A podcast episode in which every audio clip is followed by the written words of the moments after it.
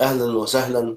أهلا وسهلا بحضرتك وسعيد جدا باللقاء معاك بعد كل هذه السنوات يعني. أهلا وسهلا فيك. أذكر أول مرة التقينا كان في سنة 1998 نعم. في المناظرة الشهيرة. أول مرة أشوفك وأعرف بالمشروع بتاعك. بعدها بعد ذلك أخذت الكتاب من صديق مشترك وقرأته فاهتميت بالموضوع يعني مدعينا حضرتك في برمنجهام ل- لمحاضرة وليس مناظرة بعكس المناظرة اللي كانت موجودة في لندن مع أحد الرموز العراقية وهو الأستاذ موفق الربيعي. نعم وسهلا ربيعي. أو ربيعي. أهلا بحضرتك بعد كل هذه السنين يعني أكثر تقريبا 20 سنة أو 19 سنة إيه، ماذا بقي من الكتاب وال- والضجة التي أحدثها وفاكر أياميها؟ يعني إيه، حصل بعض الاعتداءات عليك من بعض الإخوة. في بعض الأماكن وكده بخصوص إن هذا ال- التفكير الخارج عن الصواب والعقيدة الصحيحة من وجهة نظر آه، بعض الإخوة ال- الشيعة. وحتى بعض الإخوة أيضا من السنة من البلاد ال- سواء من العراق أو من خارجها كان في آه، تشكك وتشكيك في أفكار حضرتك لأن من عادتنا في بلادنا للأسف الشديد عدم الإيمان بحرية الفكر والمعتقد وبأن لابد أن الواحد يبقى ماشي على إيه زي نعم. الحصان يعني لا يحيد نعم. يمنى ولا يسرى نعم. فماذا بقي من كتاب الأستاذ أحمد الكاتب الذي ألفه من أكثر من 20 سنة هو في الحقيقة الفكر السياسي الشيعي. كتاب تطور الفكر السياسي الشيعي آه، كان قراءة تح- تحليلية لتطور الفكر السياسي الشيعي عبر ألف سنة أو 1400 مئة سنة وهو كان يعني يرى أو أنا كنت أرى في الكتاب يعني أنه كان هناك فكر سياسي قبل ألف سنة. وهذا الفكر وصل إلى طريق المسدود وانتهى تقريبا. ثم هناك فكر آه، بديل آه، عن ذلك الفكر. استمر أيضا قرون من الزمن وحصلت ثورة آه، بالفكر السياسي الشيعي منذ 50 60 سنة. باتجاه الفكر الديمقراطي والشورى وولاية الفقيه. لو ممكن تذكر حضرتك أسماء. رموز لهذا الاتجاهات نعم هو الفكر الإمامي مم. آه، كان آه، يقوم على أن الحاكم عموم الحاكم يعني في الأمة الإسلامية يجب أن يكون معصوما ومعينا من قبل الله تعالى ومن السلالة العلوية الحسينية. هذا كان يمثل فكر فريق من الشيعة. أكيد. في القرون الثلاثة الأولى. فريق صغير وسري وباطني. لم يكن عامة الشيعة يؤمنون بهذا الفكر. كان الفكر الزيدي هو الغالب على الشيعة. آه، هذه السلالة انقسمت إلى سلالتين رئيسيتين. السلالة الإسماعيلية والسلالة الموسوية. هم. أخوان من أبناء موسى بن جعفر. فالسلالة. الإسماعيلية استمرت وأقامت الدولة الفاطمية. في مصر عندنا في مصر في وفي مصر وتونس. تونس. المهدية ثم القاهرة. الشام ثم الحجاز آه. ثم وصلوا إلى قريب العراق أيضا. طيب العراق واليمن. واليمن. أروى و- الملكة أروى التي حكمت باسم نعم. الفاطميين. وأيضا بعد ذلك ال- الفكر ال- ال- السلاله الموسوية وصلت إلى طريق مسدود بوفاة الإمام ال- الحسن العسكري سنة 260 للهجرة وما عنده خلف وهو كان يصرح انه ما عندي خلف ما عندي أولاد. وهو شاب توفي يعني. فالفكر هذا انقرض وانتهى يعني وصل طريق مسدود وانتهى. ووقع الشيعة في حيرة هذا الشيعة شيعة الحسن العسكري. وقعوا في حيرة ماذا يفعلون؟ بعضهم بنظرية الإمامة. بعضهم اختار جعفر. اختار جعفر؟ جعفر أخوه أخو أربعة أخو عشر الحسن. فرقة انقسموا إلى أربعة. آه. عشرة فرقة. وكل واحد يقول برأيه. وفريق من هؤلاء اخترع ولدا أو افترض ولدا للإمام العسكري وقال أنه غائب. من جاية اسمها نرجس يعني آه. عدة أسماء يعني مش واضحة آه، مش آه. دقيقة المسألة آه، هي آه، يعني آه. إشاعات هي. إشاعات. فبعض الناس اللي كانوا هم وكلاء ماليين للحسن العسكري مثل صرافين يعني كان يقبضوا أموال ويجيبوا ويودوها ادعوا أنه هو عنده ولد وهم على آه، آه، اتصال به وإذا عندكم أموال أعطونا إياها إحنا نوصلها لهذا الولد. فكان عندهم استفادة مادية. ولذلك أنا أقول هؤلاء مشبوهون لأنه في يعني يجرون النار إلى قرصهم. وبصورة سرية ويمنعون أحد من الحديث أو البحث أو التحقيق في هذا الموضوع. وثم في القرن الرابع بعد 100 سنة تقريبا تكونت الفرقة الاثنى عشرية وقالوا إن هذا الولد الغائب هو الإمام المهدي وسوف يظهر وكذا وألف سنة حرموا ال- النشاط السياسي وحرموا إقامة الدولة وحرموا تطبيق الحدود وحرموا صلاة الجمعة. كانوا يقولون كل هذه معطلة إلا بإذن الإمام المعصوم المنصر من قبل الله. ونحن لا يجوز لنا أن نقوم بأي حركة ثورية. م. فهذا الفكر كان يعني هو فراغ قاتل بالحقيقة. أم، أنتج عدة نظريات. نظرية النيابة العامة للفقهاء. منذ القرن ال- يعني 500 سنة من عهد الصفوي أه، شيخ اسمه شيخ علي عبد العالي الكركي. هذا أه، كان من لبنان هو من كرك قرية كان كرك. في لبنان آه. في لبنان. أصبح عالم ومرجع وطور نظرية النيابة العامة. قال الفقهاء هم نواب هذا الإمام الغائب. هي فرضية فرضية على فرضية على آه. هي نظرية الإمامة فرضية يعني مش حقيقة. ووجود الإمام الثاني عشر فرضية. ووجود ال- الفقهاء هم نواب هذا الإمام. فرضية. أيضا فرضية. فرضية على فرضية على فرضية.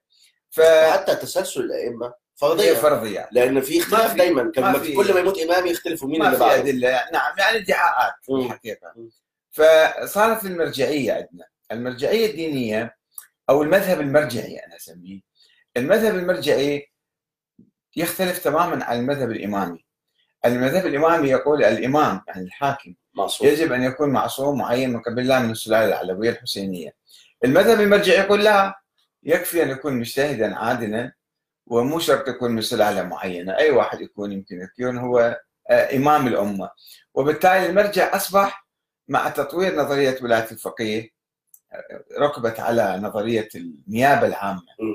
آه، أنه يصير حاكم الفقيه هي فهاي ظهرت نيابه اللي هي ولايه ولايه الفقيه دي ظهرت في القرن العشرين بس مش كده؟ لا هي كانت قبل ليها موجوده جذور هو إيه. بيقولوا ليها جذور عند الشيخ عراقي كان أو يعني الشيخ. النراقي آه. الشيخ أحمد النراقي آه. كتب و- بها حوالي 200 سنة مش عارف إني نيني ولا إيه ناعيني بعد نايني آه نايني لا ال- الشيخ أحمد النراقي هذا كان تلميذ الشيخ جعفر كاشف الغطاء في في العراق آه ثم بعد انهيار الدولة الصفوية أو الدولة القاجارية أيضا شوي كان فيها مشاكل. هو آه، كتب في صفحات قليلة يعني. حوالي 30 صفحة أيوه. في كتابه عوائد الأيام قبل 200 سنة تقريبا. ونظر لي أن الفقيه هو يحكم في عصر الغيبة الإمام ما موجود فممكن الفقيه يحكم. ولكن آه، حتى هذه النظرية تطورت في الفترة الأخيرة. يعني في إيران امتزجت مع الفكر الدستوري الديمقراطي فانتجت الجمهورية الإسلامية الجمهورية الإسلامية الديمقراطية انتخابات آه، رئاسة وانتخابات آه، نواب مجلس الشورى. وانتخابات حتى القائد ينتخب في إيران. ينتخب من خلال مجلس خبراء مم. هذاك المجلس منتخب من الناس. حوالي 88 واحد اللي هم أعضاء مجلس خبراء القيادة يسموهم هذا عمل مو تشريع وإنما انتخاب القائد فقط ومراقبته وإذا مثلا أخل بواجباته أو عجز عن الإدارة والقيادة ينتخبون واحد آخر بمكانه أيوة. فهم يقيمون عمل القائد كل ستة أشهر تقريبا يجلسون ويقيمون عمل القائد فيما إذا كان يمشي بصورة صحيحة ولا لا. فتطور الفكر الشيعي وصل إلى الفكر الديمقراطي الجمهوري آه، الدستوري وهذا على يد من بقى؟ ب- هي حركة يعني, يعني كم رموز مثلا لها؟ يعني الإمام الخميني هو آه. الذي آه. في البداية كتب عن ولاية الفقيه. في سنة 69 مم. ألقى دروس في النجف أحيا الفكرة آه، ألقى حول ضرورة عدم الانتظار. لأن الشيعة كانوا ينتظرون الإمام المهدي هو الذي يقوم بالثورة وخاصة في النجف مراجع النجف كان يغلب عليهم هذا الفكر أنه إحنا لا يجوز لنا القيام بأي حركة ثورية أو تأسيس حكومة إلا بمجيء الإمام المهدي. وعندما تأسس حزب الدعوة سنة 58 1958 آه، سيد محمد باقر الصدر كتب آه، أسس آه، حزب الدعوة. أو مثل دستور حزب الدعوة يعني. فالاساس ال- السادس كان فيه أن الحزب يقوم على الشورى. وإذا نجح في إقامة دولة الدولة تقوم على أساس الشورى. هاي نظرية هي نظرية السنة يعني تقريبا. آه. والسنة الأوائل طبعا مش السنة المتخلفين آه. أو المتأخرين. آه. فعرض ال- الفكرة على مراجع النجف فهم رفضوا. السيد محسن حكيم والسيد الخوئي والشيخ مرتضى آل ياسين والشيخ حسين الحلي هؤلاء كانوا أساتذة ومراجع كبار. قالوا هذا فكر سني وهذا مو فكر شيعي. وإحنا يجب أن ننتظر الإمام المهدي. الإمام الخميني جاء إلى العراق سنة 65 وبدأ يلقي, يلقي دروسه وكان في يحرم اتفاق بين بكر الصدر والخميني في فكرة ولاية الفقيه؟ لا أنا لم أقل باكر الصدر لم يطرح فكرة لم يطرحها فكرة الشورى آه بعدين طرحها هو طرح فكرة الشورى في البداية م. فالإمام الخميني آه، في سنة 69 ألقى محاضرات انه إلى متى نحن ننتظر الإمام الغائب؟ ربما بعد آلاف السنين 4000 سنة 10000 سنة. ما ظهر هذا الإمام، فكيف نعطل الإسلام ونعطل الحدود ونعطل إقامة الدولة بانتظار هذا الإمام؟ فيجب أن الفقيه يتولى وباعتباره أفضل واحد انه فقيه عادل عنده فقه بالإسلام وعادل يعني ليس فاسقا فاجرا ظالما طاغية فهذا الفكرة الأولية بعد عشر سنين من ذلك حدثت الثورة في إيران. آه، الثورة كانت ترفع شعار الجمهورية الإسلامية. الاستقلال الحرية الجمهورية الإسلامية. هاي شعارات المظاهرات في إيران سنة 78 و79 انتصرت الثورة. فعقدوا مجلس آه، تأسيسي انتخبوه من الناس يعني لكي يقر الدستور ويكتب مواد الدستور. فكتبوا أن النظام الإسلامي يقوم على الجمهورية والإسلامية والدستور وكذا. وأيضا آه، مزجوا ذلك بأن القائد الأعلى يكون هو فقيه عادل أو المرجع اللي هو الإمام الخميني. فصار مزج بين فكرتين. فكرة القيادة العليا بيد الفقهاء العدول والفقيه العادل هو يتولى الأمر. وأيضا هناك رئاسة الجمهورية وهناك مجلس النواب اللي هو مجلس الشورى. يقرر قوانين ويأسسها. فصار تطور. ثم حدث في العراق بعد ذلك في 2003 2004 عندما حتى المراجع النجف السيد السيستاني واخرون دعوا إلى إقامة نظام ديمقراطي وحتى لم يطرحوا نظرية ولاية الفقيه. أنه نظام شعب ينتخبه كله ويصبح الحاكم شرعي لأنه منتخب من الشعب. هذا تطور جذري كبير وهائل وبالتالي التقى السنة والشيعة في الحقيقة م. آه، على هذا النظام على الدستور وعلى الدستور الديمقراطي والخلاف الأساسي اللي كان بالتاريخ لم يكن حول مسائل الفقه بعض المسائل الفقهية ولا حول مسائل عقدية حتى م. لأن إذا تلاحظون كل الكتب اللي كتبت حول ال- خلاف السنة الشيعي. حول خلاف السنة الشيعي قالت لم آه، تسل سيوف آه، بالتاريخ الإسلامي كما سلت حول الإمامة حول الإمامة الإمامة يعني عندما يعرفون السني والشيعي تعريفات عديدة آه، أنه الشيعي هو الذي يقول الإمامة بالنص.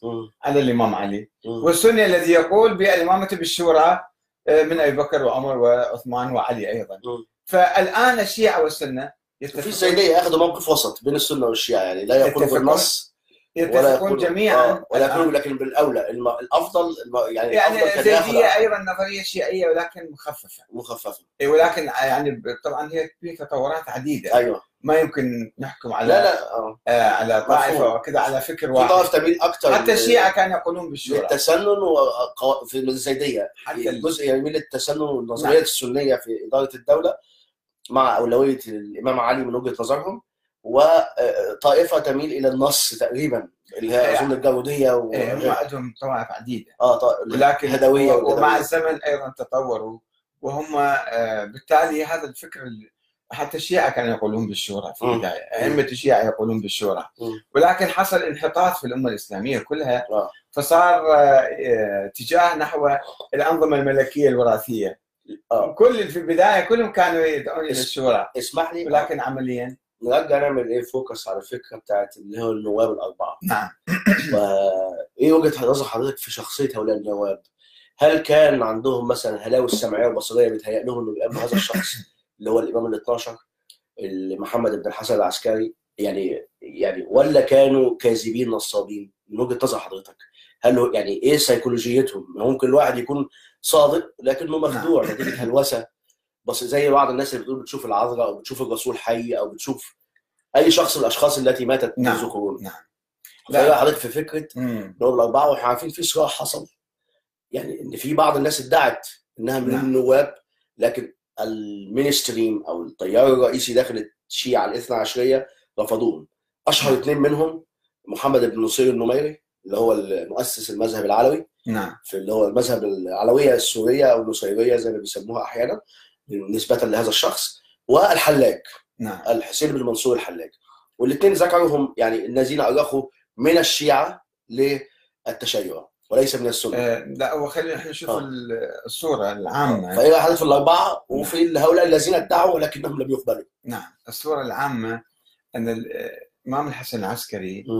آه، توفي عمره 27 سنة 28 سنة. أيوة. و آه، عندما أحس بالوفاة أوصى في المحكمة عند القاضي اسمه ابن أبي الشوارع مم. أنه أنا راح أموت وما عندي أولاد فأموالي وجوارية وكذا تروح إلى أمي يعني أوصى بهاي الوصية أمه وأخوه ولا أخوه ما ورث لا هو بعدين صار نزاع بين أمه وبين أخوه حول الإرث وتقاسموا يعني آه. فالظاهر من الشيعة عامة الشيعة عامة أهل البيت لم يكونوا يعرفون ولد للحسن العسكري. وهو يقول ما عندي ولد. ولا يجوز في الشرع نسبة ولد حتى لو كان ظاهر إلى إنسان إلا أن يعترف به أو يعترف به أهله يعني ويحرم من الميراث. إلا إلا بأدلة يعني لا يمكن رفع اليد عن الظاهر كما يقولون مم. إلا بأدلة قاطعة. صحيح. إيه، وليس بأدلة ظنية وهمية بإشاعات. وأيضا ولد غير موجود وغير مرئي ما حد ما رأى. فليس فقط أول من ادعى هو عثمان بن سعيد العمري وهو أيضا لم يكن يعرف بذلك. لأنه حسب التاريخ الشيعي أنه هو اجى هنأ جعفر بالإمامة وما كان يعرف نفسه هلا آه آه. ما كان يعرف أنه هذا آه، عنده ولد.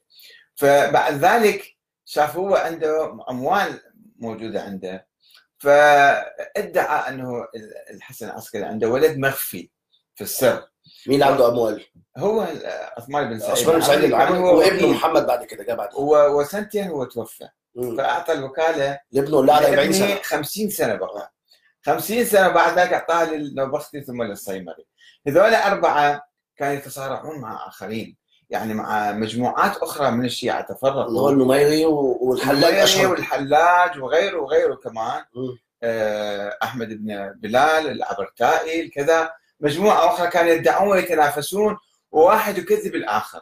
لذلك الآن في تاريخ الغيبة الشيخ الطوسي مثلا في كتاب الغيبه الصورة يتحدث يتحدث الصغرى يتحدث عن آه، وجود آه، 20 واحد كذاب يدعون النيابة ليس واحد اثنين وثلاثه مم. هؤلاء كلهم كذابون طيب لماذا كذابون؟ لماذا هؤلاء كذابون؟ ولماذا هؤلاء صادقون؟ ولماذا صادقون؟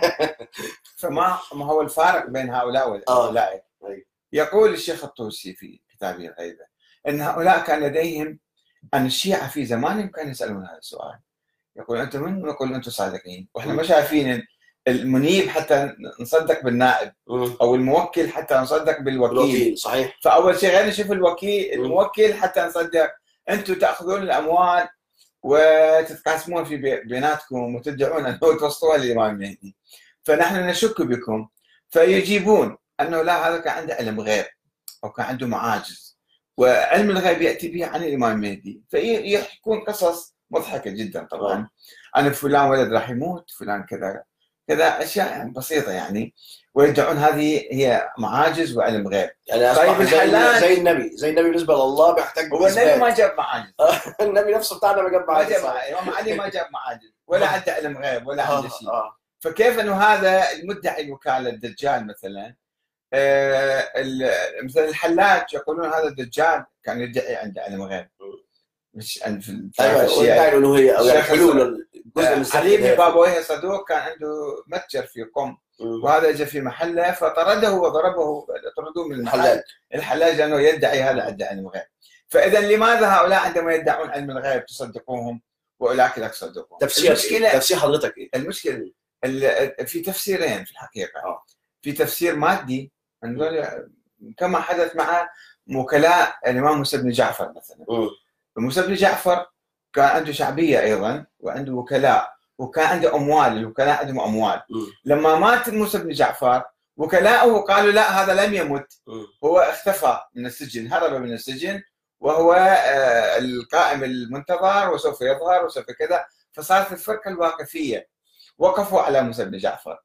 الشيعة يقول هؤلاء وقفوا لا عندهم أموال طائلة. حتى آه، يعني أمال طائلة جايبينها منين؟ من من الشيعة. باسم الإمام الكاظم. الكاظم. فهم لفوها. مش عايزين يدوها للي بعده. وياها ما يعترفوا. وأيضا آه، كان تجيهم أموال أخرى يقولون نحن على اتصال معه فهي قصص كثيرة حدثت في التاريخ الشيعي مشابهة لهذه القصة. قصة مثلا عبد الله الأفطح آه. ابن جعفر الصادق. هذا أيضا أصبح اماما بعد أبيه. و تنازع الإمام إسماعيل؟ وموسى وعبد لا الله ما هو أول شيء إسماعيل ما إسماعيل مات. في حياة الصادق مات. لما م- مات الصادق عبد الله جلس مجلسه وقال عن الامام والشيعه أجمعوا عليه. بقية الشيعة آه. غير الإسماعيلية أجمعوا على عبد الله الافطح مم. ولكنه مات بعد 70 يوم مم. من وفاة الصادق. ف آه، افترقوا الشيعة إلى ثلاث فرق هذول الشيعة اللي آمنوا به. آه. فرقة قالت أنه طيب. هو يموت يروح لأخوه موسى بن جعفر ما في مشكلة عندنا. آه. فعندهم شعار كان رافعيه سابقا أن لا تكون الإمامة في أخوين بعد الحسن الحسن والحسين بعد الحسن والحسين صحيح. طيب نشطب اسمه. نروح لموسى بن جعفر. مباشرة وكأنه ما حصلش. في فرقة جاء يعني قالت به قال ما دام إحنا قلنا بامامته لا يجوز أن نشطب اسمه. فسموهم فطحيه آه. فطحيه تيار يقول بالجمع بإمكانية الجمع بين إمامين وما في مشكلة خلي يعني ننتقل واحد آخر. مم. فرقة ثالثة ماذا قالت؟ قالت لا ما دام إنه هو أصبح إمام فلا بد الإمام تسلسل بصورة عمودية فلا بد أن يكون له ولد يجب أن نفترض وما شفنا عنده ولد. فافترضوا ولد له اسمه محمد وقالوا هذا هو المهدي المنتظر محمد بن عبد الله. اسمه وهو مختفي في اليمن وكذا وأبوه خاف عليه فلم يظهره. زي يحكوا لنا نفس القصة اللي هتتكرر بعد بعد كده. 100 سنة. بعد كده ب 100 سنة عند 100 الحسن العسكري وابنه محمد. العسكري. فيعني شوف العقلية اللي تؤدي للافتراض. يعني عنده موقف ايديولوجي. عن الإمامة في هذا ويجب أن تستمر في ذريته فلا بد أن يكون عنده ولد. لا بد أن نفترض عنده ولد. فالعقائد لا تقوم بالافتراضات. آه لا أول شيء انت شوف الواقع. وأثبت الواقع. ثم مثلا ابني اي نظريه تريد عليها انه هذا إمام معين من قبل الله معصوم اي أي شيء تريد ولكن بعد أنت أنت تثبت. ما عندك- الشخص ما عندك شخص موجود. ما موجود صحيح. هذا الشخص وتفترض أنه هو إمام وهو المهدي المنتظر وهذا شيء غير معقول غير منطقي يعني نفس الشيء حدث إذا العامل الأول هو العامل المادي اللي يخلي وهناك حديث مشهور عن الأئمة أنه قوامنا شرار خلق الله هذول القوام اللي يعني يخدموهم أو وكلائهم أو كذا هؤلاء هذا الشيخ الطوسي يذكر يذكر الحديث. هذا آه أنه هذا ذول هم ناس متفقين يعني الملالي يتاجرون. يتاجرون آه. بال بالأئمة وب العامل الثاني الأكبر والأهم في الحقيقة هو العامل السياسي الدولة العباسية ذيك الأيام كانت تخوض صراع مع الإسماعيليين ومع الزيدية وعندهم ثورات وحكومات في اليمن وفي طبرستان وفي كذا وفي كذا. ف آه، يعني الخلفاء العباسيين دعموا الفرقة الاثنا عشرية. مم. وقالوا لا هذا هو المهدي ومختفي وسوف يظهر. هم يعرفون كذب. ودعموا هذا في أيام البويهيين خصوصا في القرن الرابع الهجري. فدعموا هذا ال- ال- التيار في مقابل الفاطمية. أنه حتى يكذبوا الفاطمية. وأن هذول ليس لهم مهدي وهؤلاء أصلا ليسوا علويين. وجابوا جابوا الشيخ المفيد وجابوا العلويين في بغداد. ووقعوهم على بيانات أن هؤلاء ليسوا أصلا علويين هؤلاء لا لا علاقة لهم. آه، بالعلويين لأنه هم كانوا يقولون الخلافة في أبناء علي. وليس العباسيين ونحن أبناء علي فتعالوا يا ناس اتبعونا فالعباسيون تحالفوا مع الاثنا عشرية أو دعموا هذا المذهب ودعموه بال يعني وهذه أدلة على الاستفادة السياسية من آه، ولذلك نشوف مثلا بعد ما قضى العباسيون بواسطة صلاح الدين الأيوبي على الفاطميين. يجي خليفة اسمه الناصر لدين الله في أواخر القرن السادس ال- حكم حوالي 50 سنة آه الناصر لدين الله يعلن تبني المذهب الاثنى عشري. لماذا؟ لأنه بعد ما يخاف من عندهم آه. هو آه. وهو الذي بنى سرداب سامراء. آه. بنى سرداب وروحوا أنتوا انتظروا هذا الإمام مختفي في السرداب كان يقول. آه. ونسج مجموعة من الأساطير وال- اعتنقتها الشعر بعد كده حتى يعرف أنه هؤلاء الشيعة إذا دخلوا السرداب وضع عليهم حجرا فلن يثوروا بعد ذلك ولن يسقطوا. ما عندهم مشروع ما عندهم مشروع سياسي. فشوف ال يعني ال الأهداف السياسية والمصالح السياسية أيضا لعبت دورا كبيرا في تكوين المذاهب بالتاريخ الإسلامي وبالذات المذهب الاثنى عشري 12. على شخصية وهمية غير موجودة أنه آه. هو الإمام المعصوم المعين من قبل الله المهدي المنتظر الكذا الذي سيملأ الأرض قسطا وعدلا بعد أن تملأ ظلما وجور ويصير يتحدث الآن مثلا الآن علماء الشيعة كثير منهم يعرفون خاصة بعد الدراسات الحديثة وبعد ما أصدرت كتابي وأعطيته إلى مراجع من الشيعة. أنه تفضلوا شنو دليلكم عليه؟ يعرفون ما في دليل وهذا شخصية فرضية. هم يقولون نفترض هذا شخصية فرضية. آه. ما عندنا أدلة على وجوده. آه. طيب لماذا أنتم مشبثين به وتدعموه؟ المسح هيختل مركز الدراسات. هم يظنوا المسح هيختل يعني من وجهة نظرهم. وهيعملوا بلبله لل- لا، لا، لا. للعوام. مركز الدراسات التخصصية في الإمام المهدي. السيد السيستاني عامل مركز في النجف. اسمه مركز الدراسات التخصصية في الإمام وهذا نشر حتى الآن إذا تذهبون إلى موقع تشوفون هذا الشيء حوالي 547 كتاب عن الإمام المهدي خلال هال 20 سنة الماضية. مم. 547 كتاب أو- ودائما في حالة استمرار تزايد يعني. وهم نفسهم فقط حوالي 70 كتاب مؤلفين وناشرين. ونشروا كتب مطبوعة سابقا ولاحقا ومن آخره مم. فلماذا يركزون على موضوع الإمام المهدي؟ لأنه يركزون على المرجعية. الآن صار حالة سياسية. المرجع هو قائد الأمة هو عنده منصب سياسي ومنصب قيادي بالأمة ويحصل أموال من الناس كلها باسم الإمام المهدي. فإذا أو أجا وقال الإمام المهدي غير موجود فلا أحد سوف يسمع كلامه ولا أحد يطيعه ولا أحد هيقولوا يعطي اتجنن أموال. هيقولوا اتجنن ممكن يقولوا اتجنن كمان. اي يعني شوف المصلحة الس- السياسية من هذه القيادات الجديدة اللي باسم المراجع والمرجعية هي التي تستفيد ويدعي أنه هو نائب الإمام ويقولون نحن الحكام الشرعيون الآن المراجع في النجف السيستاني مثلا وغيره يقول أنا فقيه فإذا أنا الحاكم الشرعي بالنيابة عن الإمام المهدي. فعنده سلطه عنده سلطة وكلامه. في شخص ادعى ان الآن هو من. الوكلاء حديثا في العراق اسمه أحمد حسن اسمه إيه؟ كثير ناس دجالين عبر الزمن لسه جاي فاكر بعد ألف سنة إيه. يقول ان هو من النواب يعني. إيه. في النواب أو إنه ابنه. قال واحد إنه ابنه كمان مرة كثير. ما يدعون. هو نفسه يعني حفيده وابنه. حفيده هو ولا قائم على الخرافات والاساطير آه آه. والصفويين ادعوا ان هم التقوا بالشاه إسماعيل الصفوي. إنه عندما أسس الدولة الصفوية قال أنا التقيت بالإمام مهدي في مغارة وقال لي اذهب لأنه سابقا كان حرام اقامه الدولة. فكيف يحللون العقدة هذه؟ فقال أنا التقيت بالإمام مهدي في مغارة وقال لي أنت اذهب. أو رأيت الإمام علي بالمنام وقال لي أنت اذهب وأقم دولة. يعني شوف آه. الأحلام والخرافات آه. وال- والادعاءات الباطلة. لكن ليه فالمرجعية تستفيد اليوم وهي تفرض نفسها على الأمة كقيادة في مقابل القيادة الشرعية اللي هي القيادة الديمقراطية اللي منتخبة من الناس. النظام الدستوري الديمقراطي اللي هم المراجع اقروه ومع ذلك تشوفهم مثلا آه، يناقضوه و آه، يعني آه، يعني يسيطرون عليه أحيانا ويتلاعبون فيه ويسقطون واحد منتخب. ويجيبون واحد غير منتخب. يجيبون هو رئيس آه مثل الآن مثلا سيد عادل عبد المهدي أصلا ما شارك في الانتخابات المرجعية جابته وحطته رئيس وزراء.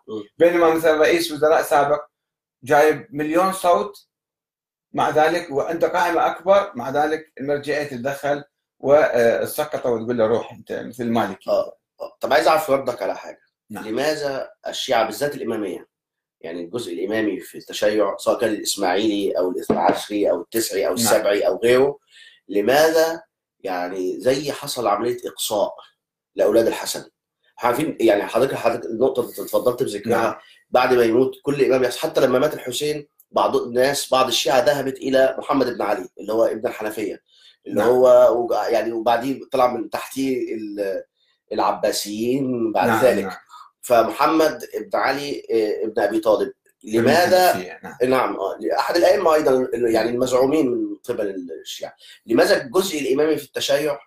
يعني فضل محافظ على إيه؟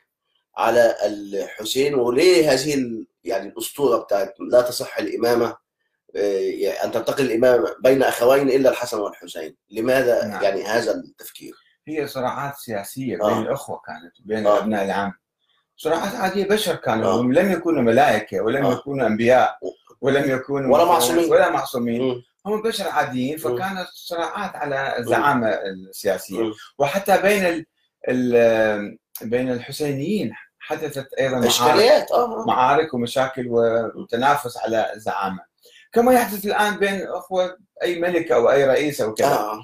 آه، يعني هذا شيء وبعدين هذا تاريخ صار. تاريخ صار لسه. هننتقل منه بس. لازم نخلصه وبعد إيه. كده الآن الشيعة تجاوزوا بالتاريخ هذا صحيح. التاريخ. هذا قبل 1400 سنة 1400 سنة ده الان يفكرنا بكلام علي الوردي إيه. لما جه هنا يدرس في بريطانيا والقصة الشهيرة اللي بيحكيها نعم نعم لما قال له عارف أكيد حضرتك سامع نعم نعم نعم علي ومعاوية وقال لهم ده أكيد إحنا على بالنا القصة حصلت أول أمس يعني قصة بقى لها مئات آه، السنين 1400 سنة نعم. 1400 سنة مم. فالراجل ضحك اللي هو ال- المشرف عليه نعم. وقتها أنا كنا نتصور يعني أنتم يعني عندكم انتخابات في بلدكم. قال لا القصة قبل 1400 سنة آه. آه طيب إيه، بالنسبة للمساله بتاعت إيه اللي هي يعني أسطورة اللي هي نعم. بين أخوين. لماذا آه، كانت موجودة؟ ولماذا يعني ال يعني التيار الح- الحسني هو اللي كان أكثر نعم. يعني فيما عدا الدولة الفاطمية. نعم. دايما الحسنيين هم حتى المعركة اللي حصلت بينهم جنب مكة مع المنصور وتم قتل يعني هي لعلها أبشع من كربلاء. في نعم شهيد البطش آه ف- شهيد فخ نعم شهيد فخ كانت مم. يعني موقعها أكبر بكثير جدا من كربلاء مات فيها كثير من أولاد علي نعم. بن أبي طالب وخصوصا من البيت آه، الحسني أنا إذا تسمح لي فقط آه، يعني آه أسوي تكتب شيء؟ فاصل لأنه لا يتحمل آه، الكثير ون-